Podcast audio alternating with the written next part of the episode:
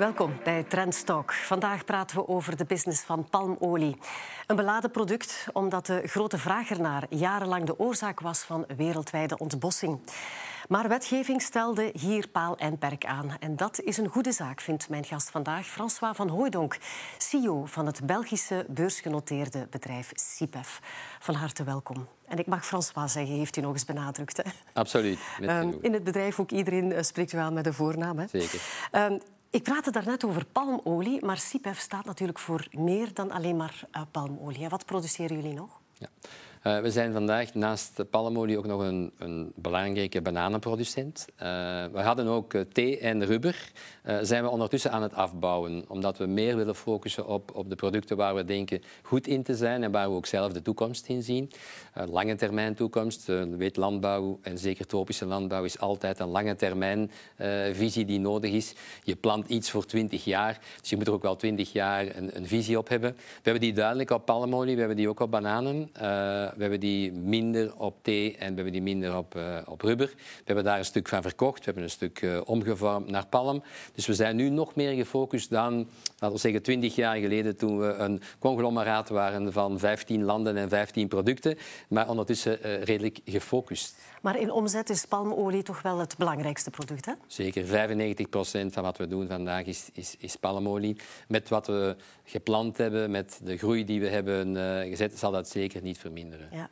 Um, jullie hoofdzetel is in Schoten, maar jullie zijn wereldwijd uh, actief. U bent net terug uh, van de Ivoorkust. Daar is een belangrijke um, bananenplantage of plantages. U hecht er heel veel belang aan om alle plantages minstens één keer per jaar te gaan bezoeken. En waarom? Ja. ja, ik vind het belangrijk. We zijn een, een arbeidsintensief bedrijf, dus we werken toch wel met 22.000 uh, mensen. Dus het is belangrijk om te weten wie waar is, uh, wat hun capaciteiten zijn. Uiteraard, ik ken geen 22.000 mensen, maar er zijn er toch al een, een 500 die, die het bedrijf bepalen. En het is belangrijk om te zien wat zijn hun hun, betrachtingen, wat zijn hun, hun ambities, uh, hoe kunnen we ze verder uh, helpen en benutten. En dat kan alleen door inderdaad ook bij de mensen te gaan en de mensen te, te spreken. Ik doe dat meestal twee keer per jaar een volledige tour. Uh, dat geeft voor mezelf ook het gevoel dat ik weet wie waar gaat en, en wat de trackrecord is van bepaalde personen. Ja, ik ben terug van Ivoorkust. Hoe was dat bezoek? Ja, nee, heel fijn. Ik denk onze bananenbusiness is, is booming in de zin dat we, we breiden uit van 800 hectare naar een kleine 1400 hectare van een 30.000 ton naar een 60.000 ton.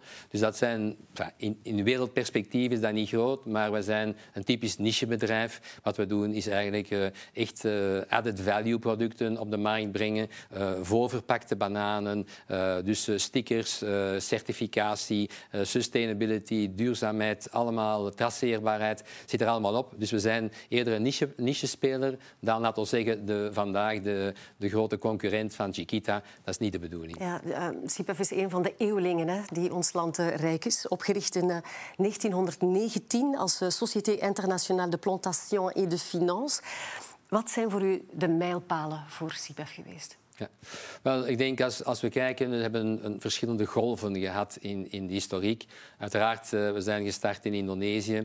Uh, Maleisië was daar ook bij. Maleisië is verdwenen. En dan uh, vanaf de jaren 60 is Afrika erbij gekomen. Denk ik op dat moment ook wel een heel belangrijke component en diversificatie. Dan was er een algemene beweging in, in de wereld, laten we zeggen, om bedrijven te diversifiëren, risicospreiding te doen. Dus mijn voorgangers hebben dat ook heel bewust allemaal uitgevoerd. Zijn dan inderdaad naar uh, heel veel landen en producten gegaan. Uh, maar dan hebben we dus ook gemerkt dat je eigenlijk, als je impact wil hebben, is het beter van ook op, te focussen op een bepaald aantal producten waar je denkt dat je ook goed in kan zijn. Dus we zijn dan uh, de laatste twintig jaar, en ik heb eigenlijk de laatste vijftien jaar daarvan bijna niks anders gedaan dan ook activiteiten afgestoten, op het moment ook nieuwe te creëren, maar uiteraard ook bedrijven die te klein waren, te weinig impact hadden, waar we niet de juiste uh, speler konden zijn in de markt, van die dan inderdaad over te laten aan mensen die het zeker beter konden dan wij. En we hebben dus zo'n heel reeks van producten en landen achter ons gelaten. Vandaag is dat uh, Papua, uh, Indonesië en Ivoorkust als drie landen waar we zeggen, kijk, dat is onze focus, daar gaan we voor, daar zijn we goed, die kennen we. Die kennen we voor sommige plaatsen al 100 jaar, voor anderen 50 of 40. Maar daar hebben we echt wel een gevoel dat we weten wat er gebeurt in het land. En hoe we de mensen ook kunnen ja, ontwikkelen in hun, in hun carrière en in hun, in hun bedrijvigheid in de onderneming. Ja, maar ook uh, politieke turbulente periodes uh, heeft u jullie parten gespeeld hè, in het verleden. Neem nu Indonesië na de Tweede Wereldoorlog. Um, ja, moesten de plantages genationaliseerd worden. Hoe, hoe is dat uiteindelijk dan toch terug in eigen handen terechtgekomen? Ja, we waren gelukkig Belgen, hè, geen Nederlanders. Uh, het zijn dus, uh, alles werd ge, ge, genationaliseerd, dus alles werd uh, volledig in, in staatseigendom geplaatst. De niet-Nederlanders hebben dat teruggekregen of konden terugkopen. De Nederlanders ondertussen hebben nog altijd hun activa niet teruggekregen. Daar zijn ondertussen staatsbedrijven geworden in Indonesië.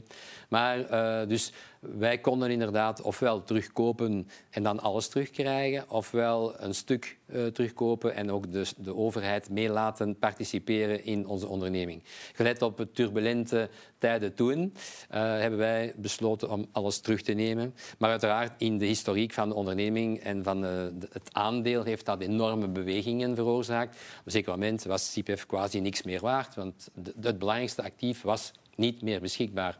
We hebben ook uh, in Afrika, uh, Congo is, is heel moeilijk geweest op bepaalde momenten, ook genationaliseerd en teruggekregen. Uh, we hebben 15 of 17 jaar burgeroorlog meegemaakt in Liberia ook alles verloren en teruggekregen. Dus ja, we hebben wel wat. Uh, maar ik denk dat dat hoort bij, bij de business en bij de manier van werken waarin wij uh, ja. ons specialiseren. Uh, u vermeldt uh, de, de, het aandeel. Hè. Dus CIPEF is uh, zeer vroeg naar de beurs gegaan, een jaar na de oprichting in 1920. Bent u iemand die zo elke dag wel eens even kijkt wat de beurskoers gedaan heeft van CIPEF? Ja, we leven daarmee. Hè. Ik denk dat dat eigenlijk elke dag kijk je wat, wat de waardering is. gaat ze omhoog, gaat ze naar beneden? niet dat ik daar echt van wakker lig, mag ik niet zeggen. Maar uiteraard is het wel belangrijk dat we, dat we weten wat het aandeel doet, hoe dat ja. de aandeel, aandeelhouder daar... En hier zien we het ook, hè. De, de, periodes, de turbulente periodes, maar dan in de voorbije twintig jaar de, de crisis van 2008 zien we hier. Uh, ook een dip in 2015 die ik niet meteen kan thuisbrengen. Nee. Eigenlijk, er zit een, een, een, beweging in vanaf 2006. Is dat een belangrijk gegeven geweest? Toen is uh, palmolie van dan af gebruikt voor biodiesel en uh, dus biobrandstoffen. Dat heeft een algemene boom gegeven op de wereldmarkt. Er was een enorme behoefte aan, uh, laten we zeggen, landbouwgrondstoffen in het algemeen. Die konden gebruikt worden voor biobrandstoffen. We zijn dan ook in een nieuw tijdperk gekomen, enorme vraagstijging. Dat heeft het effect gehad op het aandeel. We hebben het aandeel zien stijgen. En dan gaan we mee met de palmolieprijs. We, gaan, we hebben een dip gehad in 2015, we hebben een dip gehad in 2019. U kan daar ook de palmolieprijs op zetten. Meestal liep dat vrij gelijkmatig. Uh, waar we het, het missen, ja, is eigenlijk vanaf uh, 2021 uh, de palmolieprijs is blijven stijgen, is doorgegaan mm. en CIPEF is niet gevolgd. Ja, laten we zijn... die palmolieprijs er even ja. bij nemen, want die heeft, is echt gepiekt. Hè? Ja. Uh, natuurlijk heeft de, de crisis in Oekraïne, de oorlog in Oekraïne, daar ook wel mee te maken. Hè? Want uh, zonnebloemolie kon niet meer uitgevoerd worden. Palmolie is in dat gat in de markt gesprongen. Um, heeft u eerder al deze prijzen meegemaakt van ja, 1800 euro? Nee, het is, het is de top. Uh, dollar, moet ik zeggen. Sorry. Ja, ja, dollar. Het is uh, het record dat we hebben uh, uit het verleden. Dus nooit, we zijn nooit zo hoog geraakt. 2011 was ook een, een, een piek. ook samengaand met vraag en aanbod. Er waren toen geen andere elementen die speelden. Terwijl nu uiteraard ja, de oorlog in, in Oekraïne heeft een, een zeer belangrijk effect gehad. Uh, blokkering van andere oliën dan palmolie, laten we het zo stellen. Soja uh, bewoog moeilijker. Uh, uiteraard de zonnebloemolie vanuit Rusland en Oekraïne. Dat hebben allemaal dus, heeft de, de vraag ja, naar palmolie doen stijgen. We zijn naar een, een, premie gegaan die we nooit gekend hebben. -huh. En nu uiteraard terug een normalisatie. Maar we blijven vandaag rond de 1000 dollar. we zitten nu net iets eronder, maar laten we zeggen tussen de 900 en de 1000 blijven we hangen. Dat is eigenlijk historisch ook wel een zeer hoge prijs. Dus we kunnen niet zeggen dat we vandaag laag geprijsd zijn, helemaal niet. Ja. Nu, die uh, palmolieprijs die is ook afhankelijk van weersomstandigheden um, en ook de productie, hoeveel dat er kan geproduceerd worden. 2019 was echt wel een pechjaar voor jullie, want in Papua-Guinea is er dan een zeer grote vulkaanuitbarsting geweest. Welke impact heeft dat gehad op jullie bedrijf? Ja, we hebben daar wel erg onder geleden, want sowieso hadden we al een, lager prijsniveau. Dus we waren sowieso op weg naar een, laten we zeggen, een jaar dat het niet florissant zou zijn. Uh, maar ik denk de, onze aandeelhouders en, en, de investeerders weten dat. Ze leven met de volatiliteit van, van ons bedrijf. Maar dan hebben we inderdaad een, een zware dreun gehad. Dat 20 procent uh, van, van onze activiteit quasi ja, voor, voor twee jaar uh, is moeten herstellen. Dus we zijn... Er was veel schade ja, aan de Dus we hadden toch de helft van onze Papua-business uh, had schade geleden. Uh, niet allemaal volledig, maar toch, we hebben daar een serieuze uh, deuk gehad. en het heeft dan ook twee jaar geduurd voordat we terug op niveau waren. Dus vanaf 21 kunnen we zeggen dat we eigenlijk terug in een normale productiemodus zijn gekomen. En, en dan hebben we ook weer die sterke prijzen als ondersteuning gehad, wat ons gebracht heeft naar een, een florissant jaar 22. Mhm. Ja, u, u, heeft dat natuurlijk meegemaakt. Het is nog maar drie jaar geleden. Um, als u in zo'n crisis terechtkomt... Ehm, wat doet dat met u als ondernemer? Ja, je bent daar dag en nacht mee, mee bezig, uiteraard. Uh, het zijn natuurkrachten. Je kunt er niet veel aan doen. Je kunt alleen zorgen dat uh, de schade zoveel mogelijk beperkt wordt. En de eerste zorg op dat moment zijn de mensen. Uh, we hebben drie vulkaanuitbarstingen gehad in een periode van minder dan zes maanden. We hadden 8000 mensen die wij uh, zelf geëvacueerd hebben, die we zelf een, een, noodkamp hebben aangeboden met voeding, met, uh, met water, uh, met, met bescherming. Ehm, dus dat was dan hersteld na, na zes weken. Zijn de mensen terug beginnen werken en zijn ze ook terug naar hun eigen woningen gegaan terug opnieuw een uitbarsting. En tegen de derde, ja, de eerste keer hadden we ongeveer drie weken nodig om iedereen een, een veilige plaats te geven. Na de derde eh, was dat in minder dan een week, was iedereen uh, terug, terug uh, volledig beschermd door onze onderneming. Dus je ziet, jammer genoeg, dat men ook daar, laten we zeggen, ervaring opdoet. We hopen dat we de volgende 50 jaar die ervaring niet meer nodig hebben. Ja, maar als infrastructuur wordt beschadigd, dat kan je terug heropbouwen. Als het gaat om plantages, dat is wel iets van lange adem eer dat, dat herstelt. Hè? Ja, we wisten sowieso dat we daarvoor... Een, de eerste schatting was drie jaar uh, dat we zouden nodig hebben om, om, laten zeggen, de palmbomen terug voldoende bladeren te laten geven, die hen dan toelaten om vruchten uh, te geven. Dus uh, we, wisten dat, oké, we hebben daar zoveel mogelijk aan gewerkt om die schade zo snel mogelijk te herstellen. maar ja, het zijn dan die dingen waar je als, als bedrijf natuurkrachten heb je niet onder controle. Je leeft daarmee en, en je probeert dat zo goed mogelijk uh, te benaderen. Ik wil even teruggaan naar de palmolieprijs. Uh, die is doorgaans zeer hoog, lucratief. Hoe komt het eigenlijk dat palmolie zoveel rendabeler is dan maisolie of soja? Ja. Wel, het is natuurlijk een, een, een, olie die helemaal in de tropische gordel wordt geteeld. En het rendement per hectare is enorm hoog. Dus het is gewoon, laten we zeggen, agronomisch is het een zeer goed product. wij hebben toch uh, ja, ongeveer uh, zeven tot acht keer meer olie uit eenzelfde hectare, geplante hectare, dan de andere plantaardige oliën in het algemeen. Dus andere zijn ook liquide oliën.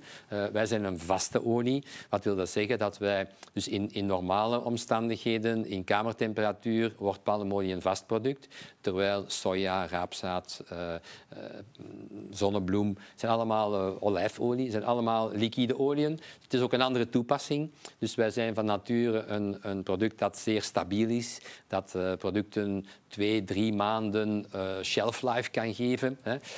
terwijl vloeibare oliën ideaal zijn voor tafelolie, tafelproducten, vloeibare producten, iets minder in vaste vorm. Dus zij moeten gehard worden. Dat geeft weer een chemisch proces. Dat is een extra kost, dat is moeilijker. Mm. Dat geeft ook niet dezelfde feeling. Uh, palmolie is, is gewoon laten we zeggen, heel, uh, ja, heel veel gebruikt uh, in voeding. Waarom? Omdat het precies door zijn samenstelling geeft het een goed gevoel als je palmolie consumeert. het smelt in de mond. Hè. dus we zien dat met onze Nutella, pasta's enzovoort. Allemaal typische toepassingen daarvan. Ook het is een droog product. dus alle cakes, alle pizza's, alle broodjes bevatten heel vaak palmolie, omdat het een, een vast vet is uh, dat gemakkelijk verwerkbaar is en heel lang houdbaar. Kan u even schetsen waar CIPEF zich bevindt op de wereldmarkt van de productie van uh, palmolie? Ja. We zijn een relatief klein bedrijf. Hè? Dus wij vertegenwoordigen ongeveer een half procent van de wereldproductie. 400.000 ton palmolie.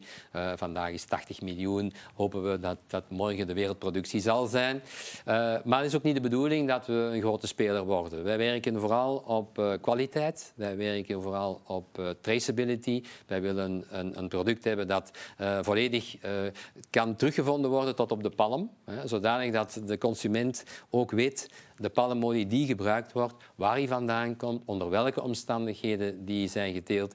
Zowel wat, wat uh, zal zeggen, de omgeving betreft, milieu, uh, geen ontbossing, uh, de juiste standaarden wat bemesting betreft, wat pesticiden betreft enzovoort. Maar ook naar sociale omgeving toe. Erg belangrijk dat de werknemers van CIPEF op de juiste manier hun arbeid kunnen uitoefenen, dat ze goed behandeld worden, dat we ze een huizen geven, dat we ze uh, een sociale omgeving geven met uh, zowel huisvesting als uh, medische zorgen, die toelaten dat eigenlijk onze mensen ja, met, een, met, met een aangenaam gevoel op ons bedrijf werken. Heel belangrijk, want wij planten, zoals ik zei, een palm voor 20 jaar. Dus we hebben graag dat die mensen ook voor 20 jaar die palmen blijven oogsten. Veel beweging is absoluut geen goede zaak voor, voor ons bedrijf. En wie zijn jullie afnemers? Uh, wel, eigenlijk begint het aantal afnemers wordt altijd maar kleiner, omdat ook de grote voedselproducenten, uh, zonder namen te noemen, de Nestlé's en de Unilevers van deze wereld, en er zijn er nog heel dus veel. toch een paar namen. Ja, voilà, maar, dus zij, zij zijn ook op zoek naar, naar betrouwbare bronnen, want zij hebben ook druk om inderdaad hun, hun, product in de juiste manier in de markt te kunnen plaatsen. Dus heel belangrijk dat zij de juiste uh, suppliers vinden, de juiste aanvoer vinden. Want je vindt ook altijd, in, als je gaat winkelen, producten geen palmolie, alsof ja. dat we daar de consument mee, uh, mee, mee, kunnen overtuigen. Dat geeft ook de indruk dat het eigenlijk schadelijk is, dat de milieuschade groot is, terwijl er wel gecertificeerd palmolie op de markt is. Ja. Dat is het spijtige van de zaak, dat eigenlijk, uh, ik begrijp, de Europese consument wil zeker zijn als zij een product consumeren, dat er dan geen schade berokkend is aan de productie van dat uh, product. Daar zijn we ook helemaal mee akkoord. Dus, maar er is inderdaad een product dat sustainable palmolie heet, duurzame palmolie, gecertificeerd is, geaudit is uh, ook. En dus dat is toch 20% van de markt. En, en daar wordt eigenlijk veel te weinig aandacht aan besteed. En er wordt te weinig nadruk op gelegd dat die gecertificeerde palmolie al geaudit is op al die elementen. En dus eigenlijk op dat moment... En wie doet dan die audits? Want als je die grote hmm. klanten hebt, zoals bijvoorbeeld de Mondelez of, of, of Nestlé, gaan zij ook controle uitvoeren? Of zijn zij gewoon blij met, oké, okay, we hebben dat certificaat en dat is geaudit, um, wij kunnen afnemen van jullie? Nee, ze gaan zelf controles uitvoeren. Dus er is een, een heel satellietsysteem bijvoorbeeld. Dat is uh, gesteund door al die voedselproducenten. Uh, of laten we zeggen, de, de, degenen die de, de voedselproducten maken. Uh, ze hebben hele satellietnetwerken die ze ondersteunen. Zodanig dat elke die hectare... Satellieten? Dus die satellieten die, die viseren constant alle palmplantages van de wereld. Ja? En kijken of al die hectaren ook effectief zo blijven zoals ze zijn. Dus als ik morgen een hectare bijplant in eender welke locatie waar wij gevestigd zijn, dan wordt dat, geregistreerd wordt en, en wordt dat dus gemeld. Als er een brand is in een van die hectare, dan krijgen wij een brandmelding. Dan moeten wij onmiddellijk het nodige doen. Moeten wij kijken, is dat bij ons of is dat bij onze buurman? Want uiteindelijk eh, moeten we ook kijken, is dat, is dat stukje onder controle van ons? Of is het van onze buur, van de kleine boeren die ons omringen? En dan moeten we daar ook onmiddellijk actie voor nemen. Dus we moeten daarvoor... Ja, we hebben daar een heel wat verantwoordelijkheid. Maar we zijn constant onder een, een, een satellietbeschouwing. Uh, uh, vind ik een, een heel goede beweging. We zijn daar heel tevreden mee. Want ja, palmolie heeft lang in een slecht daglicht gestaan, omdat het verantwoordelijk is voor uh, heel wat ontbossing. Het is een lucratief product, de vraag was uh, zeer groot. Um, de vraag is nu, kan u dat nog uitbreiden? Want er mag niet meer ontbost worden. Hè? Dat is nu wel een, een afspraak die gemaakt is. Waar kan u nog landbouwgrond vinden dan? Ja, ik denk in palmolie nog zeer moeilijk. Uh, ik moet eerlijk zijn, om, om nog nieuwe gronden te, om te zetten in palmolie, wat wij, wat wij nog hebben gedaan de laatste 10, 15 jaar, door toch nog hè, uh, gronden te vinden die bijvoorbeeld al gecultiveerd zijn de laatste 15 jaar voor rubber, maar op een inefficiënte manier. En wij hebben die dan kunnen omvormen naar een industriële palmplantages.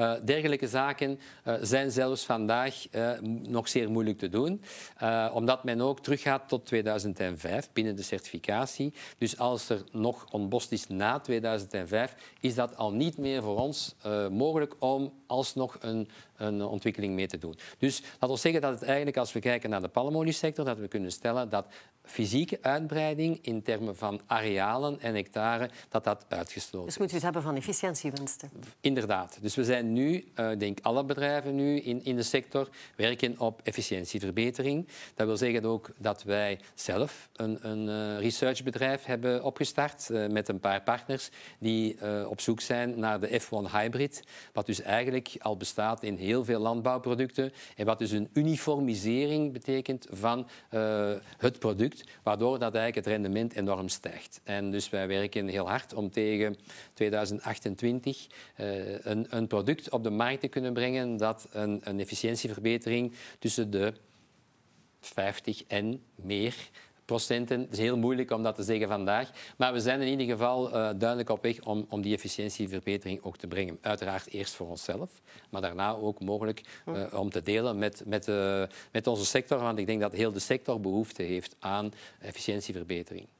Duurzaamheid is bijzonder belangrijk voor CIPEF. Op, op, jullie website praten jullie ook over al de certificaten die jullie al hebben binnengehaald en, waar jullie, en welke eisen aan, waar jullie aan voldoen. Um, het gebruik van pesticiden, zegt u van ja, dit is wel nog nodig, maar we verminderen het. Waar ligt die grens van wat schadelijk is voor de landbouwgrond en toch zorgen dat, we een, dat er een goede oogst is? Ik denk dat we, we zitten sowieso in, in een product dat eigenlijk relatief weinig pesticiden nodig heeft. Uh, we zijn een, een palmplantage heeft 143 palmen, staan 9 meter uit elkaar. Uh, dus de, de, de, competitie tussen de verschillende palmen is, is relatief beperkt. Hè. Als je dat vergelijkt met, met soja of, of met raapzaad, ja, die worden in enorme densiteit geplant. Dus het is heel belangrijk voor om daar alles onder controle te houden. Bij ons is dat veel minder. We hebben meer, eerder misschien last van insecten. Uh, dus daar moeten we wel uh, inderdaad zorg voor dragen. de grote verschillen zijn dat 15 jaar geleden dat er dus wat men noemt blankspraying werd gedaan. Er werd, een hele plantage werd ineens gesproeid om zeker te zijn dat alles weg zou zijn. Die tijd is helemaal voorbij. Wij willen... Werken jullie nu met drones ook? Ja, absoluut. Dus de biodiversiteit is heel belangrijk. We willen de insecten behouden, maar de juiste insecten.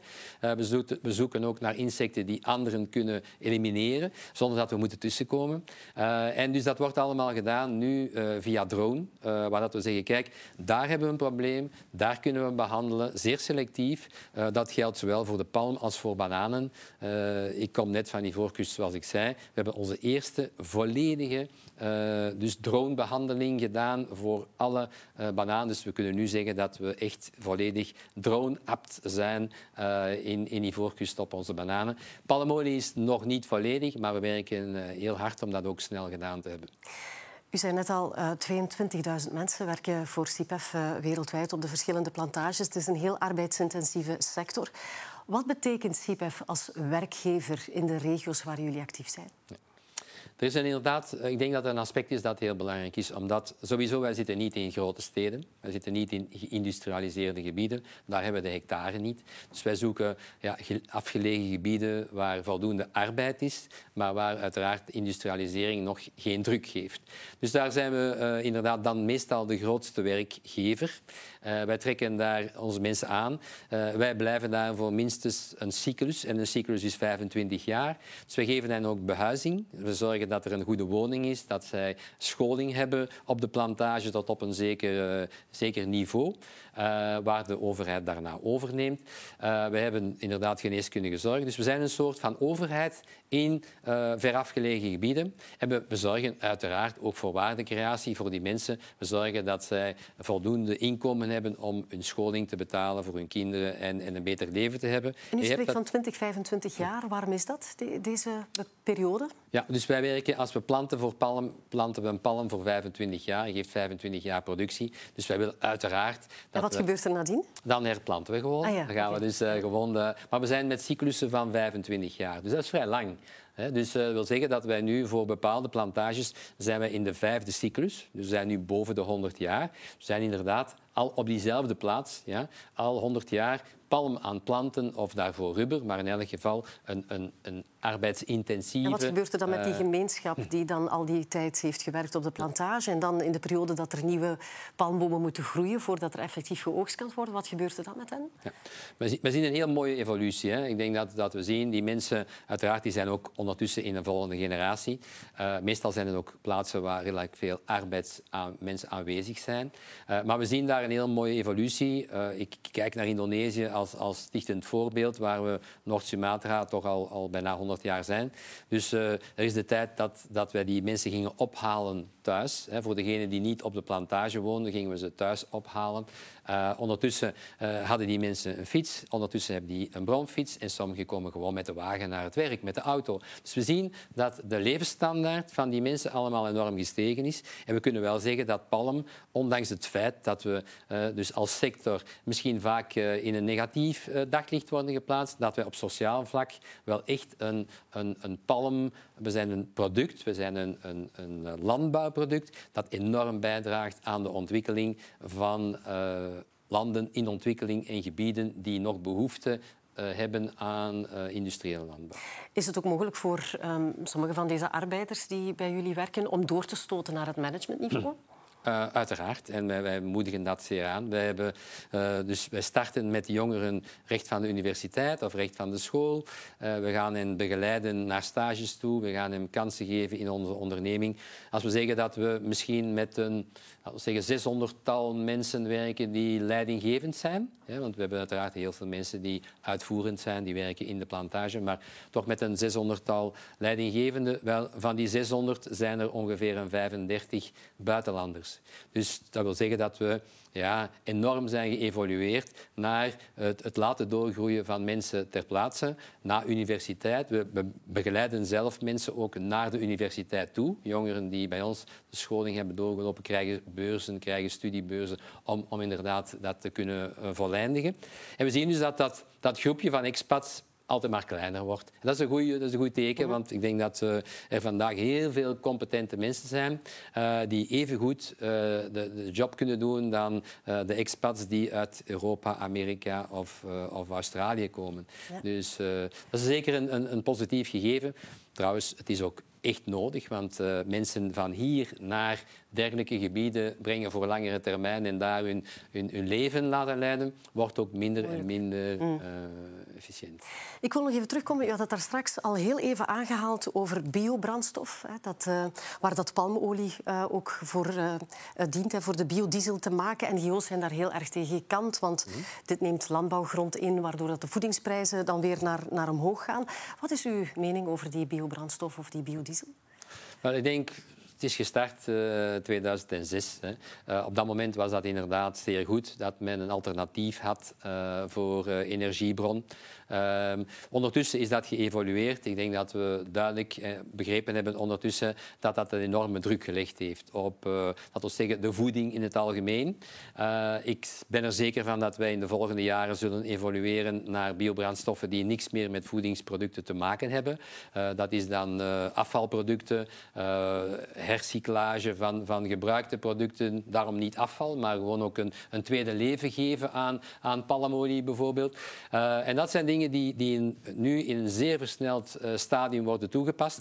Nog niet op grote schaal, maar het gaat snel gebeuren. En dus dan denk ik dat we in een meer gebalanceerde oefening gaan komen, waar we kunnen zeggen, kijk, misschien wordt er nog hier en daar wat uh, voedingsproducten gebruikt, maar het overgrote deel zal dat niet meer zijn. Perfect, het is een mooie evolutie. Wij steunen dat. Wij zijn zelf volledig gefocust op voeding omdat we eerder kwaliteit willen brengen. Je hebt geen kwaliteitspalmolie nodig dus voor biobrandstoffen. Dat is niet de palmolie die we in biobrandstof uh, Nee, enfin, gelukkig wordt de goede palmolie gebruikt voor voeding en cosmetica en is er altijd wel een, een iets mindere kwaliteit die kan gaan in biobrandstoffen. Dus het is niet de perfecte vergelijking van te zeggen, ja, als het in biodiesel zit, kan het ook in voeding we werken naar een, een meer, uh, laten we zeggen, soorten palmolie. We zijn daar zelf sterk mee bezig om eigenlijk stromen te hebben die topkwaliteit zijn. Waar we zeggen, kijk, dat is nu echt volledig naar de voeding gericht. Dat, dat gaat van, van, van de dingen die wij consumeren, maar tot babyvoeding bijvoorbeeld. Dus, dus heel hoog kwalitatief product.